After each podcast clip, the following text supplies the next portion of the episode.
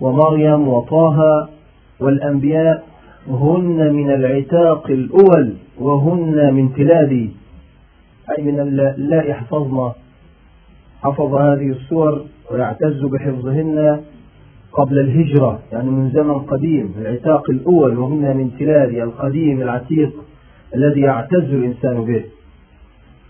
هذا المشهد الذي سنستعرضه اليوم هو استكمال لمشهد التعنت ومشهد هؤلاء العابثين الذين تعدوا الحدود لدرجة أنهم اتهموا الله تعالى وحشاه بأن له ولدا. يقول الله تعالى في المشهد الرابع وقالوا اتخذ الرحمن ولدا. سبحانه بل عباد مكرمون. لا يسبقونه بالقول وهم بأمره يعملون. يعلم ما بين أيديهم وما خلفهم ولا يشفعون إلا لمن ارتضى وهم من خشيته مشفقون. ومن يقل منهم إني إله من دونه فذلك نجزيه جهنم. كذلك نجزي الظالمين. أولم يرى الذين كفروا أن السماوات والأرض كانتا رتقا ففتقهما وجعلنا من الماء كل شيء حي. أفلا يؤمنون؟ وجعلنا في الأرض رواسي أن تميد بهم. وجعلنا فيها فجاجا سبلا لعلهم يهتدون. وجعلنا السماء سقفا محفوظا وهم عن آياتها معرضون. وهو الذي خلق الليل والنهار والشمس والقمر كل في فلك يسبحون. وما جعلنا لبشر من قبلك الخلد أفإن مت فهم الخالدون كل نفس ذائقة الموت.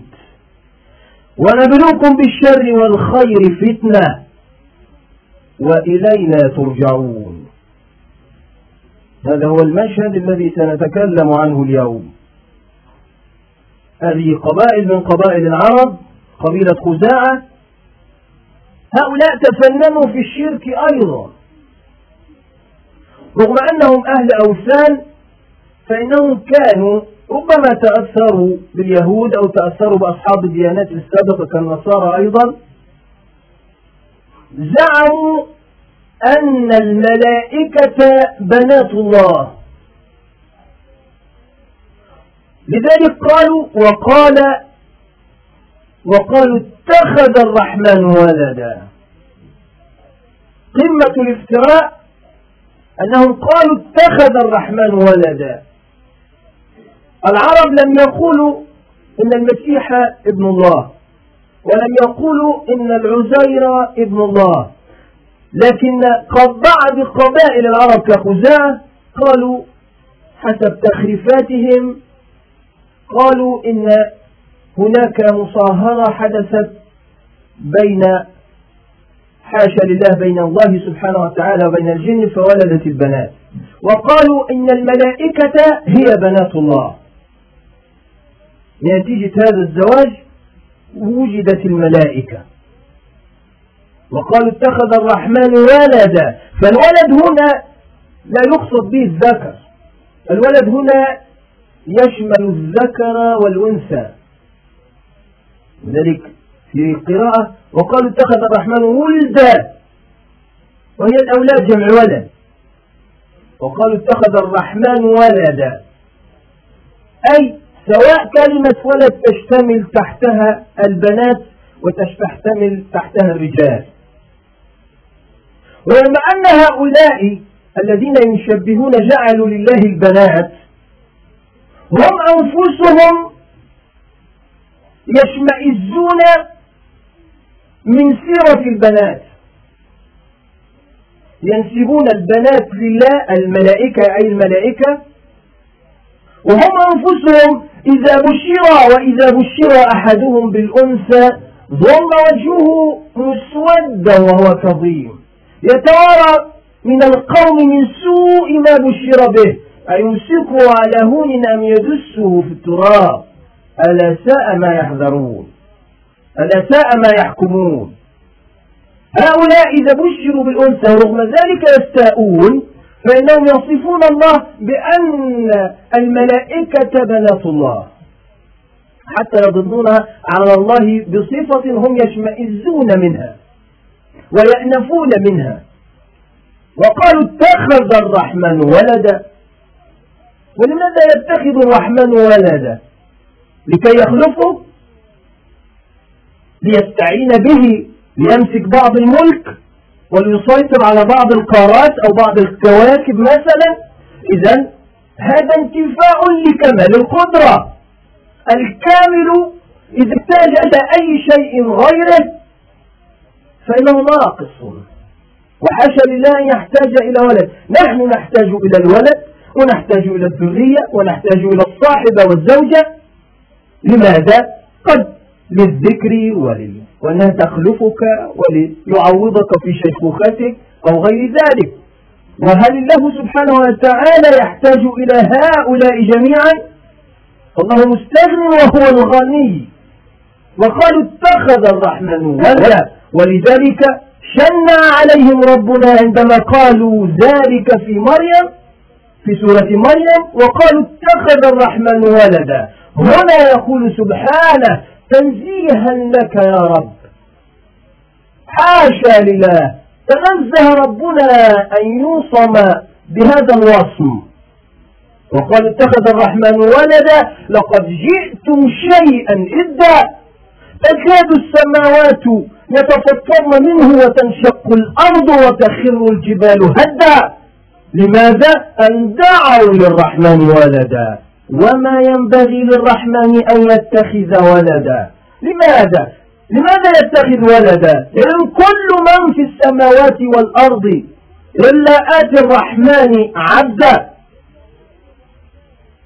هؤلاء جميعا سيأتون إليه ويحاسبهم فردا فردا. فلا حاجة لهذا الإله الذي يحتاج إلى ابن وإلى زوجة. وقالوا اتخذ الرحمن ولدا سواء هذا الولد بنات أم بنين لكن الله يشهد لهؤلاء الذين وصمهم هؤلاء الخزاعيون بأنهم بنات الله. قال بل عباد مكرمون. سبحانه بل عباد مكرمون.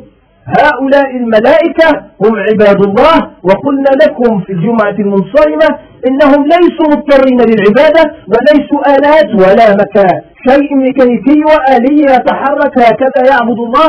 لا بل إنهم يتعبدون الله وهم دائما يسألونه. ولذلك يحاسبهم ربهم سبحانه وتعالى رغم أنه نزع منهم الانحراف. وهذا ما سيتبين لنا بالآيات القادمة الآن. نبين لكم أن الملائكة ليسوا مضطرين للعبادة بل إنهم وجلون خائفون من ربهم. سبحانه بل عباد مكرمون. لا يسبقونه بالقول وهم رغم هذه الحظوة ورغم هذا التشريف ورغم هذا العلو ورغم هذه الطهارة ورغم هذه النورانية إلا أنهم لا يسبقونه بالقول وهم بأمره يعملون. دائما لا يتعدون لا يتقدمون بين يدي الله بكلمة ولا بفكرة ولا بتشريع. ترى هذا العبد الناقص المنحرف الموغل في الطينية والمعاصي قد لطخته وأغرقته وأحاطت به.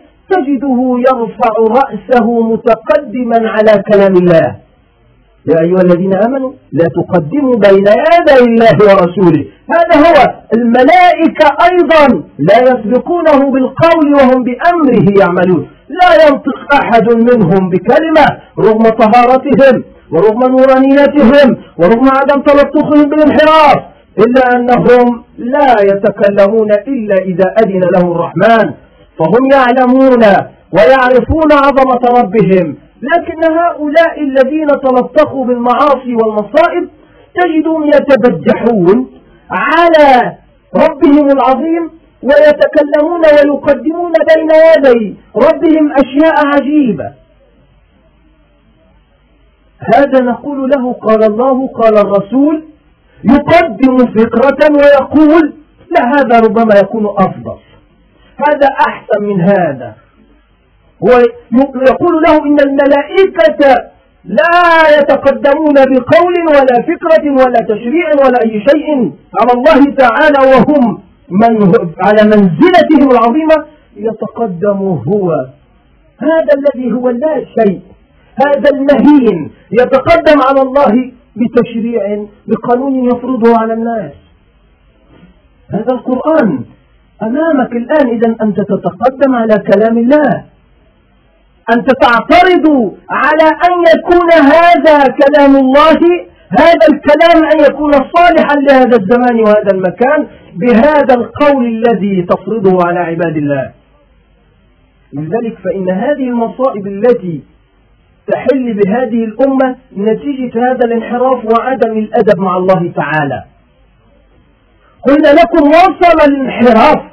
والاستهزاء والسخف بهذا الدين أن رأينا وشاهدنا بأم أعيننا الجمعة الماضية في أمريكا أم المصائب وأم الشر تصدر لنا دينا جديدا وصلاة جديدة مصنوعة في البنتاجون امرأة منحرفة من سلالة العبيد. أعطوها شهادات. تقول وتزعم رأيناها تصلي وتتبجح. تخطب الجمعة ومن السخف أننا وصلنا إلى هذا الهوان أننا رأينا المؤذن حاسرة الرأس وكأنها تغني وامرأة هذا الذي يقف بجوارها ولا لا خلط ولا غض بصر ولا أي شيء حتى من هذه الناحية حتى من هذه الناحية الفقهية الشرعية. هؤلاء لو أنهم يعني كانوا أتعبون مثلا على سبيل المثال لو أن المرأة كانت محتشمة وأن الرجال في الصف الأول وهناك صفوف خلفية للنساء ربما كانوا زينوا أو زوروا على الناس حتى لو كانت على هذه الصفة. لو أن امرأة صلت إماما بالناس بالمسلمين الرجال وراءها ثم النساء في الخلف في النهاية لو على هذه الصورة التي نصليها الآن لو فعلت ذلك فصلاتها باطلة. وقلنا لكم إن رسول الله صلى الله عليه وسلم قال خير صفوف الرجال أولها وشرها آخرها وخير صفوف النساء آخرها وشرها أولها. أي شرها؟ قلنا لكم وشرحنا لكم ما معنى شرها. أي قليلة يعني بالنسبة للخير الذي يحصل بعد الإمام يعني الصف الأول الذي وراء الإمام ثم الصفوف يأخذ الحسنات بقدر قربه من الإمام. لكن أن تلتحم في نفس الصف أي إذا كانت على هذه الصورة والانفصال هذا فإن الصف المقابل مباشرة الذي بعد آخر صف من الرجال هو من هو بداية صف النساء هو أشر صف. للنساء. يعني قليل الحسنات. يا رأينا هذه المسخرة هذه المصيبة. حاسرة وتصلي وأمس عرضوا علينا بعض الصلوات. آه، الإمام كانت هذه الودود وهذه المرأة العبة. هذه كانت يعني مغطية رأسه لكن وجدنا أمس أن أن امرأة أخرى عادي حسرة وراها بعض من يسمون رجالا بعض الشباب وجالسين مع بعض كأنهم يعني في تواعد كأني واقفين في مسخرة هذه يعني حتى حتى طريقة الكنيسة لا تكون بهذه الطريقة السخيفه. لماذا هذا الهوان؟ لأننا وصل أن علماء المسلمين وأن أئمة الفقه تهاونوا في الرد على هؤلاء لما قام أحدهم زعيم يسمى بأمة الإسلام فرخان هذا الناس هللوا له.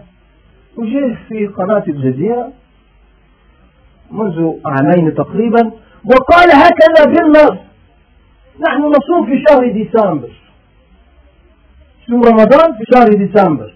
لماذا تصوم في شهر ديسمبر؟ قال أن الوقت البارد وسهل على الناس في أمريكا أن يصوموا لأن رمضان ممكن يأتي في متقلب طوال السنة طبقا للنظام القمري. فإذا ممكن يأتي في أوقات حارة. أفضل حاجة إحنا إحنا اقترحنا نثبتها. خلاص ثبتوها في ديسمبر. يعني هم لا يصومون إلا في ديسمبر. يعني أنت تصوم هناك في الجزيرة في درجة حرارة 50 درجة في الصيف وهم مرتاحون. دين سهل. صنع في أمريكا. لم يرد عليه علماء المسلمون المسلمين في ذلك الوقت ولم يرد عليه كبار المشايخ ويقول له أنت كافر مرتد خارج عن الملة. هذا ركن من أركان الإسلام. الاستخفاف وصل هذا. إذا كان لا يجوز الاستهزاء بأي شعيرة من شعائر الإسلام فما بالك بإنكارها تغييرها؟ ركن الصلاة وهو من أركان الإسلام الأساسية عمود من أعمدة الدين. ثم يأتي الأول. جاء جربوها معنا. وجدوا أن فرخان لم يتكلم أحد عنه. الذي ارتكبه فرخان نفس الذي ارتكبته هذه المرأة لكن الناس سكتوا حتى المذيع الذي كان يحوق قال هذا لا يجوز في الشرع ولكن آه ولكن ماذا؟ آه اختلاف. في وجهة نظر. هذه وجهة نظر. قل له أنت مرتد الآن أنت كافر. توب إلى الله سبحانه وتعالى. أو تعالى نعلمك دينك لماذا يحبون بلال فقط ولأنهم يحبون بلال رضي الله عنه لأن لماذا يحبون بلال؟ انظر من باب العنصرية لأنه أسود. الإسلام لا يفرق بين الأسود والأبيض والأحمر والأصفر. لا فرق لعربي على عجمي ولا أبيض على أسود ولا أصفر على أحمر إلا بالتقوى.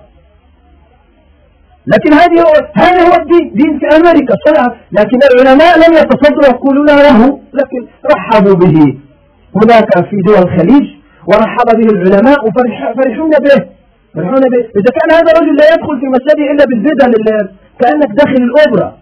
داخل يدخلون مساجدهم لا أحد يستطيع يدخل المساجد إلا بطريقة لبس معين وبزي معين والبدلة السموكن والأشياء الفخمة إيش هذا الدين المودرن لا يدخلونه إلا بزي معين وبطريقة معينة ويلبس البجونة هذا هذا هو دين صنع في أمريكا. لم يرد أحد هنا من علماء الأمة سكتوا فاجتمعت المرأة. فتنتجر ابن أرسل إلينا الأخرى. ابعت الناس عن عن ركن الصيام فقال لك آخر عروة من عروة الإسلام هي عروة الصلاة. ولم يكن يجترئ أحد في تاريخ هذه الأمة رغم كل الفرق ورغم كل أهل الضلال لم يجترئ مجترئ على هذه القضية. قضية الصلاة ركن الصلاة. لماذا استخفوا بكل ظلوا يقضون على الإسلام عروة عروة عروة عروة. وهي لم يبقى للإسلام من من من شيء شعيرة عظيمة. حتى الآن بعد شعيرة الحكم التي انتزعت لم يبقى لنا إلا هذه. شعيرة الصلاة. حتى خطبة الجمعة يظنون علينا بها. يريدون أن يحشروا المرأة أيضا لتخطب الجمعة. يعني واحد أنت لوزوا الفضاء ولوزوا الكون تفتح هذه القناة تجد امرأة. تجد هذه امرأة. يعني حشفتوها بكل شيء صارت حتى على علب الصابون والكبريت وعلى كل شيء. يعني هذا امتهان للمرأة وليس كرامة للمرأة كما أعزها الإسلام. وكل من يصلي وراء هذه المرأة. وهو جاهل يجب عليه أن يعيدها يعيد صلاة الجمعة ظهرا أو أي صلاة يصليها. وإن جاء عالما بالحكم بالبطلان أن هذا حكم بطلان وأنه لا يجوز له أن يصلي وراء هذه المرأة ولكن جاء من باب العناد ومن باب السخف والاستهزاء فإنه على شفا هلك. قل أب الله وآياته ورسوله كنتم تستهزئون لا تعتذروا قد كفرتم بعد إيمانكم. هذا استهزاء بدين الله. وما ينبغي على أحد أن يقول أروح أصلي أصلي تجرب أن نقول هذا حكم نحن نقول هذا الحكم للجاهل. هذا الحكم للجاهل واحد لا يعلم الحكم قد ظن أن المرأة هي يجوز لها هكذا فهو نقول له يجب عليك أن تعيد الصلاة. لا ويفهم لكن الذي يعلم هذا حكم آخر. والذي جاء ليكفر سواد هذا الضلال وهذا الفساد استهزاء وإذلالا للمسلمين يريدون أن يذلوا المسلمين. هذا نوع من أنواع السخف والإذلال للمسلمين وهو تقدم بالقول على قول الله تعالى وعلى قول رسول الله صلى الله عليه وسلم. يقول مسألة فيها خلاف؟ انظر إلى الضلال. ضللوها وقالوا بعض المسائل فيها خلاف. هذه مسألة الصلاة المرأة كإمام. أخذوا موضوع لحديث أم ورقة الأنصارية وقالوا إن هي استأذنت الرسول صلى الله عليه وسلم أن تصلي بأهل دارها. أن تصلي بأهل دارها فأذن لها رسول الله في ذلك كانت مقرأة للقرآن وحافظة فاستأذنت الرسول صلى الله عليه وسلم في ذلك فأذن لها. وأمر لها بمؤذن من من من من, من الرجال يؤذن لها رجل شيخ كبير كما في الرواية في رواية البيهقي. فهذه هذا الحديث قالوا آه إذا أذن لها أن تؤم أهل دارها فإذا معنى ذلك تؤم بقية المسلمين يأخذ هذه بتلك. رغم أن هذا الحديث ضدهم أصلا لأن تؤم أهل دارها. تؤم هذه أهل النساء والبنات اللائي معها. ودليل على ذلك لو كانت المسألة تنفع للرجال كان قال لها أخرجي آه، أي واحدة من النساء تؤذن لك. ولكنه عين لها رجلا يؤذن لها. يؤذن لها الصلاة كل ما يعلمها الوقت يعني. هذه هذه كل الشبهة التي دارت فيه شبهات فتوى. كتبنا فتوى وبحث كامل ستجدونه إن شاء الله موجود في الانترنت عن كل الشبهات التي أثار هؤلاء المغرضون ورددنا عليهم بفضل الله تعالى. لم يوجد في تاريخ الأمة منذ الإسلام حتى من منذ هذا العصر من عصر الرسالة الأولى حتى وقت الاضمحلال هذا لم يوجد في تاريخ الممالك الإسلامية أن امرأة أمت الرجال. حتى في عصور الاستعمار وعصور الصليبيين والتتار واحتلال الكفار أراضي المسلمين لم يوجد مثل هذا الذي حدث في أمريكا التي تصدر إلينا الشر دائما. كنا تعودنا على أمريكا أنها تصدر لنا الأباتشي تصدر لنا القنابل السجادية تصدر لنا الموت تصدر لنا الشبح تصدر لنا الخراب والدمار تصدر لنا الخلاعة والمجلات الفاضحة لكن أن تصدر لنا دينا جديدا وصلاة جديدة وجمعة جديدة هذا والله هو العجب العجاب. لكن المصيبة في المسلمين الذين يقرون مثل هذه الجريمة لا يسبقونه بالقول وهم بأمره يعملون. يعلم ما بين أيديهم وما خلفهم ولا يشفعون إلا لمن ارتضى وهم من خشيته هؤلاء هم الأطهار. الله يتكلم ويشهد لهذه الملائكة أنه يعلم ما بين أيديهم وما خلفهم. ولا يشفعون. يطلبون الشفاعة رغم أنهم يستغفرون لمن في الأرض ويستغفرون للمؤمنين. وإن الملائكة لتضع أجنحتها لطالب العلم رضا بما صنع. وهذه الملائكة التي تحيط حلقات الذكر وغيرها. هذه الملائكة لا يشفعون إلا لمن ارتضى. أي إذا وافق الله تعالى ليس بمزاجهم. رغم هذه المنزلة الوسيعة لا يشفعون إلا لمن ارتضى إلا من رضي الله عنه إلا لمن ارتضى من عباده المؤمنين إلا لمن ارتضى. ورغم كل هذه المنزلة وهذه الشفاعة التي يقبلها ربنا بإذنه هو وهم من خشيته مشفقون. انظر هذه المقابلة هؤلاء المعاندون العابدون الذين لا يخشون الله ويستهزئون. لاهية قلوبهم وأسروا النجوى الذين ظلموا. بل هذا إلا بشر مثلكم؟ هؤلاء الذين اتهموا هذا الدين باللعب واتهموا الله باللعب واللهو. انظر هذه المقابلة. هؤلاء الذين هم عباد الرحمن وهذه ملائكة الله تعالى أهل السماء. هؤلاء المقربون رغم كل ذلك وهم من خشيته مشفقون. وهذا يدل على أنهم لا يتعبدون الله اضطرارا ولا آليا بل إنهم وجلون خائفون. وهؤلاء الخائفون انظر ماذا يقول الله تعالى ليبين لك كمال القدرة وفي الاستغناء عن حتى هؤلاء المقربين. انظر هذا التهديد الرهيب. ومن يقل منهم إني إله من دونه. فذلك نجزيه جهنم. كذلك نجزي الظالمين. هذا خطاب للملائكة. ومن يقول منهم إني إله هؤلاء المقربون رغم منزلتهم لو واحد فكر فقط منهم مهما كانت منزلته يقول إني إله من دون الله. يعني اتخذ من دون الله إلها أو زعم أنه إله أو مشروع إله أو أي شيء من هذا. ماذا سيحل به؟ ومن يقول منهم إني إله من دونه فذلك نجزيه جهنم. كذلك نجزي الظالمين. هذا هو قانون الله. هذه القاعدة المكررة على إهلاك الظالمين وإن كانت من المقربين. كان إبليس مقربا. لما تمادى واجترأ حرمه الله تعالى من هذه النعمة. وماذا حدث أخرجه الله تعالى مذموما مدحورا. عليه لعائن الله تعالى والملائكة والناس أجمعين. رغم منزلته لم يحاله الله تعالى. لا ملك مقرب ولا نبي مرسل. هذه قاعدة. فما بالك أنتم أيها العصاة؟ فما بالك أنتم أيها المشركون؟ فما بالكم أنتم أيها المستهزئون بالله؟ إذا كان هذا التهديد لهؤلاء الرميم ما بالكم أنتم؟ ولذلك لفت الانتباه إلى قضية أولم يرى الذين كفروا. بعد أن دحضهم بالأدلة العقلية لو كان فيهما آلهة إلا الله لفسدتا وبعد أن دحضهم بالأدلة الشرعية النقلية كما تكلمنا ثم لو بعد ذلك ينقلهم إلى النقلة الأخرى. هؤلاء أغبياء لا يعقلون؟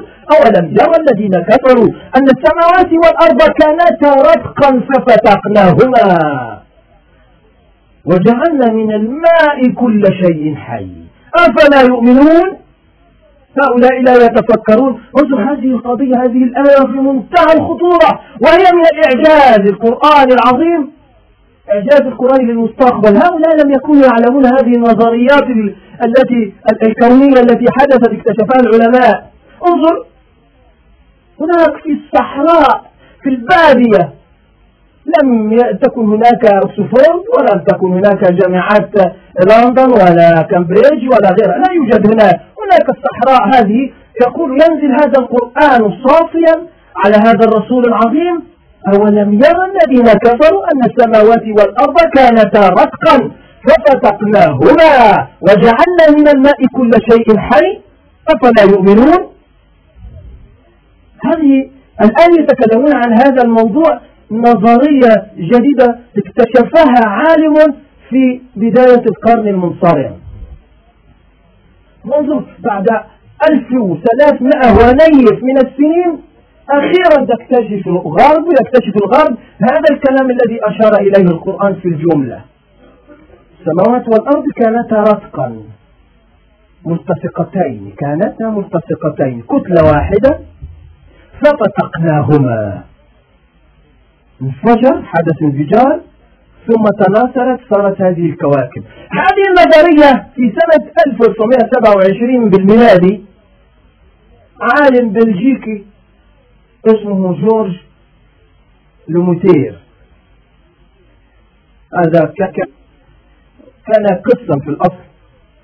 هذا العالم البلجيكي ظل يبحث واكتشف ان إن أصل نشأة هذا الكون كان عبارة عن أن الكون كله كان عبارة عن كتلة غازية نارية ملتهبة عن كرة كبيرة ملتهبة. ونتيجة الغازات الشديدة والالتهابات والنيران الشديدة تحولت هذه البيضة أو الكرة الكبيرة هذه انفجرت نتيجة هذا الدوران وهذه الالتهابات الشديدة فحدث الانفجار الذي كون بعد ذلك تناثر وحصل الكواكب وهذه المناظر التي ترونها سواء في السماء أو الأرض. ويسمونها نظرية بيج بانج وهي الانفجار الكوني العظيم. جاء بعده بسنوات عالم آخر روسي اسمه جورج جاموف. هذا العالم أثبت وأكد نظرية هذا الرجل هو جورج لوميتير هو البلجيكي. أكد أن فعلا الكون عبارة عن 75 سنة تقريبا كل هذه القصة. والقرآن يتكلم هناك منذ 1400 سنة هذه مسائل كبيرة ورغم لكننا هذه هذا الغرب وصل إلى أن الكون هكذا. كان عبارة عن كتلة واحدة نارية غازات ملتهبة ولمعان شديد وكرة كبيرة جدا. فحصل هذا الانفجار وبعضهم قال إن ربما تدين كبير أيضا اصطدم بهذه الكتلة فانفجر كانتا رتقا ففتقناهما القرآن لا يعنيه هذه التفاصيل. وهذه النظرية لا تزيدون يقينا ولا قوة بالقرآن. القرآن هو شاهد على العلم هذا. القرآن ليس كتاب كتاب علمي وكتاب كيمياء وكتاب. هذا القرآن يشير إلى هذه التلميحات بالجملة. آه، لا لا بأس. نرحب بمثل هذا هذه هذا ما يصل إليه هؤلاء من نظريات لكن يجب الحذر من استخدام النص القرآني وتحميله على المعجزات الحديثة والنظرات الحديثة. لأن ربما يكتشف بعض الناس نظرية يبينونها فيما بعد. هذا تلاعب بالنص القرآني. ولكن هناك الحقائق العلمية ثابتة. الأجساد المعدنية تتمدد بالحرارة. الماء يتجمد بالبرود. هذه أشياء حقائق علمية ليست نظريات لأنها ثابتة والناس تعلمها. هذه لا, لا, لا حاجة فيها أن تتغير. لكن تتغير اجتهادات بعض الناس في أصل نشأة الكون لأن كل هذه ليست يقينية. لكن أن وصل الناس إلى هذه النظرية. القرآن يتكلم في الجملة. أولم يرى الذين كفروا أن السماوات والأرض كانتا رتقا ففتقناهما. وجعلنا من الماء كل شيء حي. ففتقناهما يعني حدث الانفتاق الانفصال. العلماء قديما كالطبري وغيره وابن عباس من قبل الصحابة كانوا يفسرون أنهما كانتا كتلة فعلا ولم يكن انفصلتا بالهواء. على حسب حسب طاقتهم الذهنية في ذلك الوقت. قال انفصلت بالهواء. الله فصلها بالهواء وقيل فصلها بالمطر وبالنبات وغير ذلك. ولكن وصل العلم إلى هذه الكتب نرحب بها. لأنها تتفق في الجملة مع هذا الكلام المجمل في القرآن. لكن هذا القرآن هذا سواء وصل بنا إلى أن أكدته نظرية علمية أو لم تؤكدته هذا القرآن نوقن به لأنه كلام ربنا ليس إلا هذا فقط. سواء وصلنا إلى شيء علمي أو غير علم هذا لا يهمنا كثيرا ولا ننشغل به كثيرا. على الإنسان أن يعمل عقله هذا لا بأس. لكن أن تأخذ النص وتحمله لكل نظرية علمية هذا من الخطورة بمكان. لذلك استمروا في الأبحاث ليؤكدوا ذلك حتى وصلوا إلى في شركة هنا في بريطانيا. في عالم اسمه بزنياس وعالم آخر اسمه لويس. هذا هؤلاء شركة من شركات الأقمار الصناعية سنة 1963 إخواننا قاربوا لأن الازدحام في الفارس فقاربوا قاربوا ونصرفوا حول حرك نفسك لا تلتصق بالأرض كثيرا. كلفتهم الشركة قالوا كلما نفعل نقوم بالتصاق بالتقاط بعض الأشياء اللاقطة من اللاقط هذا الذي هو يلقط الأقمار يلقط الأشياء في الأجواء. يسمعون تشويشا لموجات تشوش على ال على ال على الأشياء التي يلتقطونها من الأشعة والراديو وغير ذلك. كلف هذين العالمين ببحث المسألة. فهذان العالمان كلما وضع هذه اللواقط في أي اتجاه في الأرض في أي اتجاه يسمعان نفس نفس هذه الموجة تتدخل. حتى قالوا نغير اللاقط يعني يصنع لاقط جديد نصفي به الموجات. اخترعوا وجدوا وجدوا نفس نفس هذه الموجة ثابتة من أي اتجاه؟ لا تتغير خالص. نفسها يعني يسمع ومعها نفس الموجة الغريبة هذه اللي هي التشويش الغريب. بعد ذلك قرر أكد بعد ذلك لما بحث في النظرية التي ذكرها قالها قديما جورج لوميتور هذا الرجل البلجيكي بنظرية انفجار الكون قالوا هذه موجات تسمى موجات النور المتحجر أي, أي النور القادم الموجات القادم من الماضي السحيق الذي حدث هذا الغبار وهذه الأشياء حدثت بعد انفجار الكون وظلت تتردد في الكون إلى وقتنا الحاضر. ولذلك أكد نظرية الانفجار مرة أخرى وقالوا إن هذه الموجات التي حدثت في بداية الانفجار أعقب هذا الغبار وهذه الموجات ظلت تتردد إلى وقتنا الحاضر وهي تتردد حتى وقتنا الحاضر. فأعطوهما طبعا جائزة نوبل وغير ذلك نظرا لهذا. هذا الذي وصل إليه تكلم عنه القرآن بآية مجملة. قال القرآن يلتفت إلى الأشياء الكبيرة العظيمة.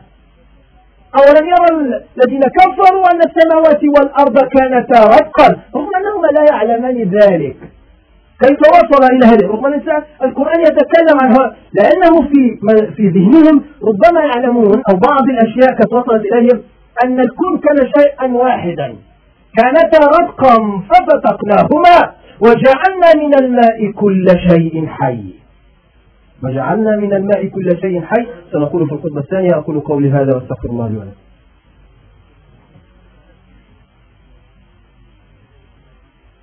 إن الحمد لله نحمده ونستعينه ونستغفره ونسأل عليه الخير كله نشكره لا نكفره ونسمع ونترك من يفجره. اللهم إياك نعبد ولك نصلي ونجد إليك نسعى ونحفظ نرجو رحمتك ونخشى عذابك إن عذابك الجد بالكفار ملحق وأشهد أن لا إله إلا الله وحده لا شريك له وأشهد أن محمدا عبده ورسوله. وبعد.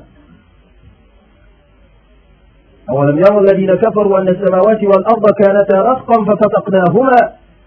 وجعلنا من الماء كل شيء حي. أفلا يؤمنون؟ جعلنا من الماء كل شيء حي. أي شيء؟ حيوان نبات أي شيء. كلمة الماء هذه تكررت منكرة في القرآن حوالي ثلاث وثلاثين مرة. وذكرت في القرآن معرفة بكلمة الماء ستة عشر مرة. إلى أهمية هذه الكلمة وجعلنا من الماء كل شيء حي. فهذه الأرض هذه مسألة لا تحتاج يكفي القرآن هذه الإشارة.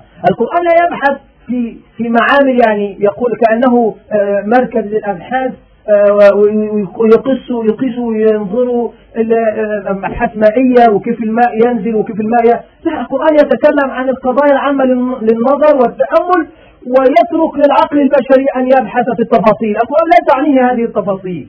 لكن الملاحظ أن 70% من مساحة هذه اليابسة مساحة الأرض كل الأرض 70% ماء يعني كل يعني هذا هذه المساحة التي نعيش عليها كل هذه الصراعات وهذه الحضارات وهذه كل هذه الكتل البشرية كلها على بعضها الماء أكثر منها لا تمثل 30%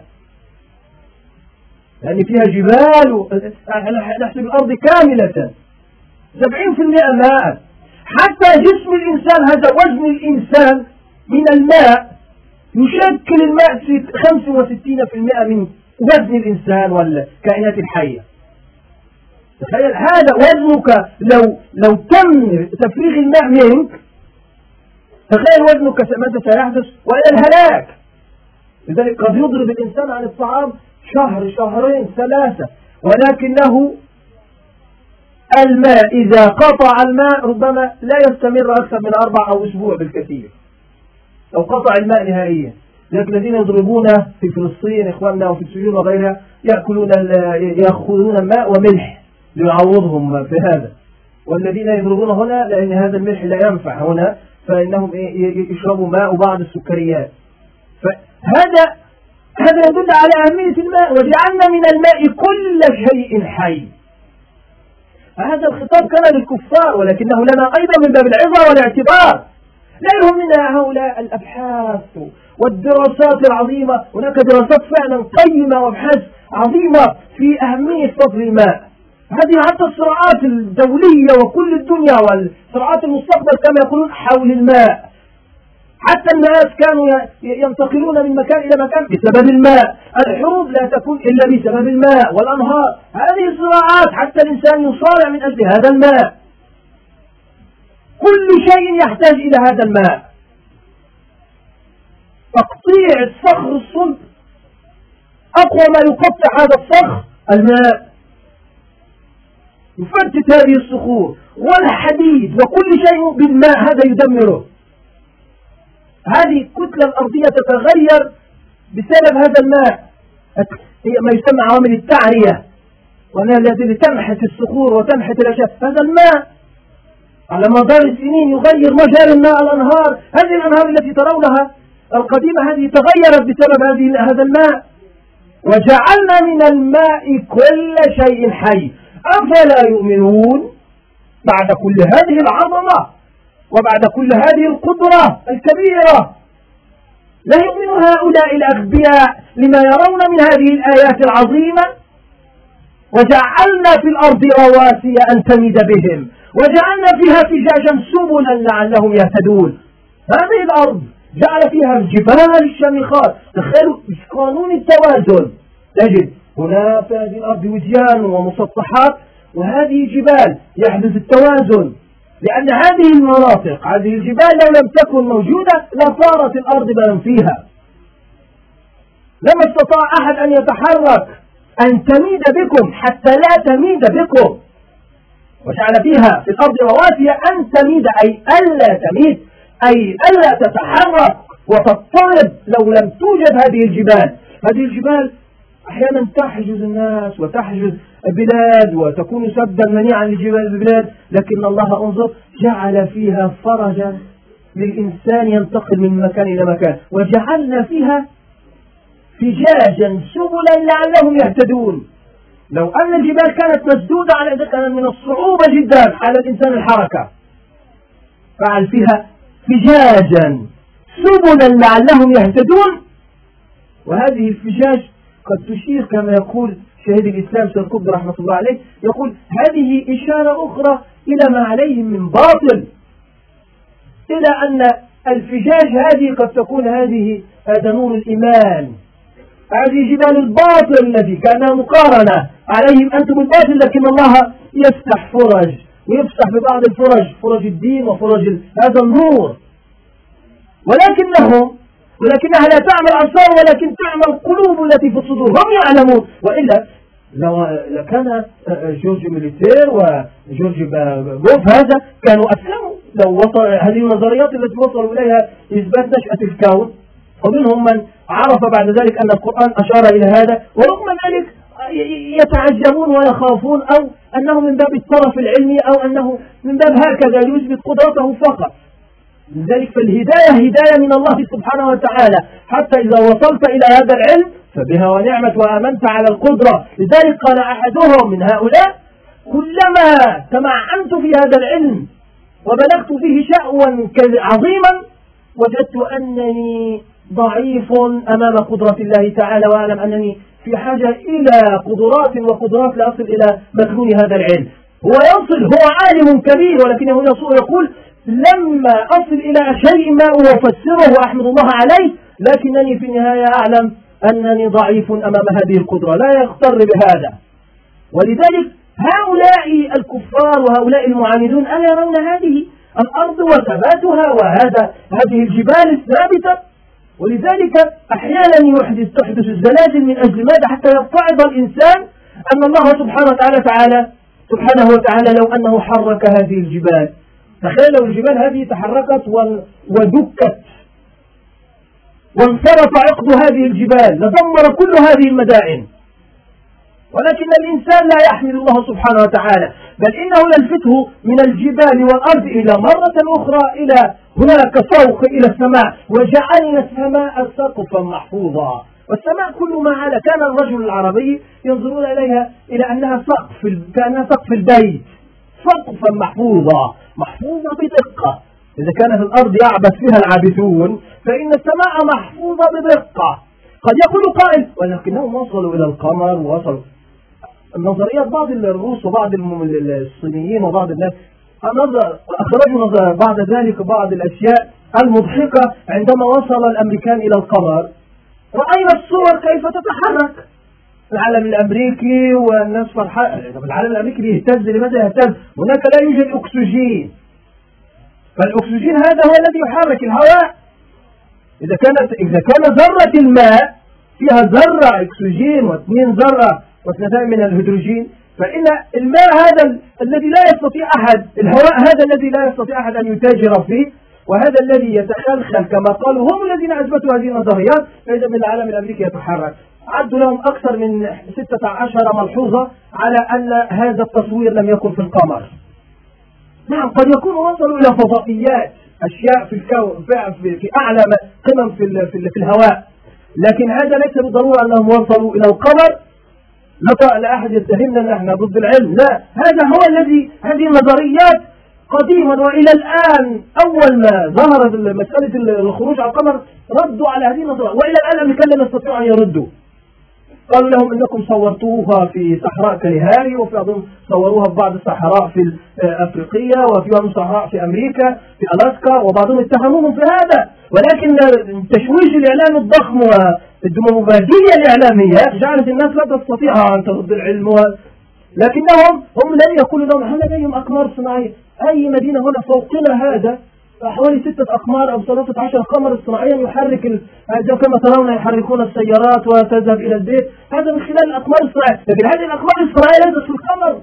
وبعض الناس يظن أنها كانت في القمر. هذه فوق أعلى قمة من الهواء فقط ولكنها ليست في القمر كما يظن الظان هذه هذه المسألة السماء جعلها سقفا. الله سبحانه سقفا محفوظة. محفوظة بالقوة بالصنعة وبهذه الحبكة لا يستطيع إنسان أن يلوثها أن يلوثها. ولذلك لفتهم إلى انظروا إلى هذه السماء. الذي خلق هذه السماء وهذه القدرة ألا يستطيع أن يرسل بشرا رسولا؟ ألا يستطيع أن يرسل كتابا يكون كلامه؟ ألا يستطيع أن يرسل هذه الملائكة؟ ألا يستطيع أن يخلق هؤلاء الخلق؟ ألا يستطيع أن يعيدكم مرة أخرى؟ وهو الذي خلق الليل والنهار والشمس والقمر كل في فلك يسبحون. مسألة دائرة مجموعة شمسية لا هذا يصطدم بهذا ولا هذا. وإلا حدث خلل في الكون. كل في فلك يسبحون الليل والنهار حتى يطلبه حثيثا. الليل يطلب النهار حثيثا. يجري وراء اللي يريد يدركه بسرعة. وكل ذلك هذه لم يحدث خلل في الكون. منذ أن خلق الله الليل والنهار والشمس والقمر. وهذه الطريقة العجيبة نظرا لتكرارها. الناس لا, تش... لا... لا تحسن. كما قلنا لكم من قبل لو أن رجلا رأى صورة جميلة منظر طبيعي جميل في خضرة في ماء يفتتن به فيشتريه يشتري المنظر الجميل ويعلقه في بيته. كل يوم ينظر إليها ما شاء الله. ولكن بعد فترة لا كل يوم يراها لا يلتفت إليها. يأتيه ضيف فيقول له ما أجمل هذه الصورة. قال والله هي من عندي منذ فترات وأنا نسيت حتى لم يعد الجمال نظرا لتكرار الصورة. لأن كل يوم تشوف ترى الشيء فإنك لا تشعر به. كما أنك ترى ابنك الصغير. كل يوم أمامك ولذلك لا تشعر فجأة أنه كبر. وصار شنب بعد أن كان صغيرا تأخذه إلى المسجد. والبنت صارت فتاة. فاعلة صارت آه، ناهدة. وبعد ذلك وأنها لكنك لا تشعر بها لأنها كل يوم لكن لو أن عمها لم يرها منذ عشرة سنوات وجاء إليك ضيف فوجد ما شاء الله أنت لا تشعر بهذا. يقول هذه بنت أمامي قال ما شاء الله كبرت لأنه لم يرها منذ فترة طويلة. هذه المشاهد اليومية لا يشعر بها الإنسان ولذلك لا يحس الإنسان بالنعمة إلا إذا سلبت منه. كن بما نعمة الصحة. ولكن لما يمرض يشعر بهذه ليتني كنت صحيحا. ليتني إذا ربنا شفاني إيه، إن شاء الله سأعود إلى الطاعة وسأعود لما ربنا يشفيه طبعا نسي وعاد إلى عادته الكريمة القديمة. فهذا الإنسان العجيب يرى كل هذا الكون. ورغم ذلك لا يتعظ ولا يعتبر وجعلنا السماء سقفا محفوظا وهم عن آياتها معرضون. رغم ذلك فهم معرضون. سبحان الله رغم هذا يقول الكل ليس له إله. الكل ليس له إله. بعد كل هذا الكل لم يستطع أحد. إله يأتي إلى يقول أنا لا لي ملك السماوات والأرض. لم يأتي إله حتى الآن يقول أن لي ملك السماوات والأرض. كل ذلك الله يثبت هذا ورغم ذلك يعاند الإنسان. وما جعلنا لبشر من قبلك الخلد. أفإن مت فهم الخالدون. كل نفس ذائقة الموت. ونبلوكم بالشر والخير فتنة وإلينا ترجعون. نختتم سنختتم عند هذه الآيات ونبدأها بمشهد جديد الجمعة القادمة إن شاء الله. لا نرفع وكف الضراعة لعل الله العظيم رب العرش العظيم. أن يتغمدنا برحمته. اللهم إنا عبيدك أبناء إمائك نواصينا بيدك ماض فينا حكمك عدل فينا قضاؤك. نسألك بكل اسم هو لك أنزلته في كتابك أو علمته أحدا من خلقك أو استأثرت به في علم الغيب عندك أن تجعل القرآن العظيم ربيع قلوبنا وجلاء همنا وذهاب غمنا وحزننا.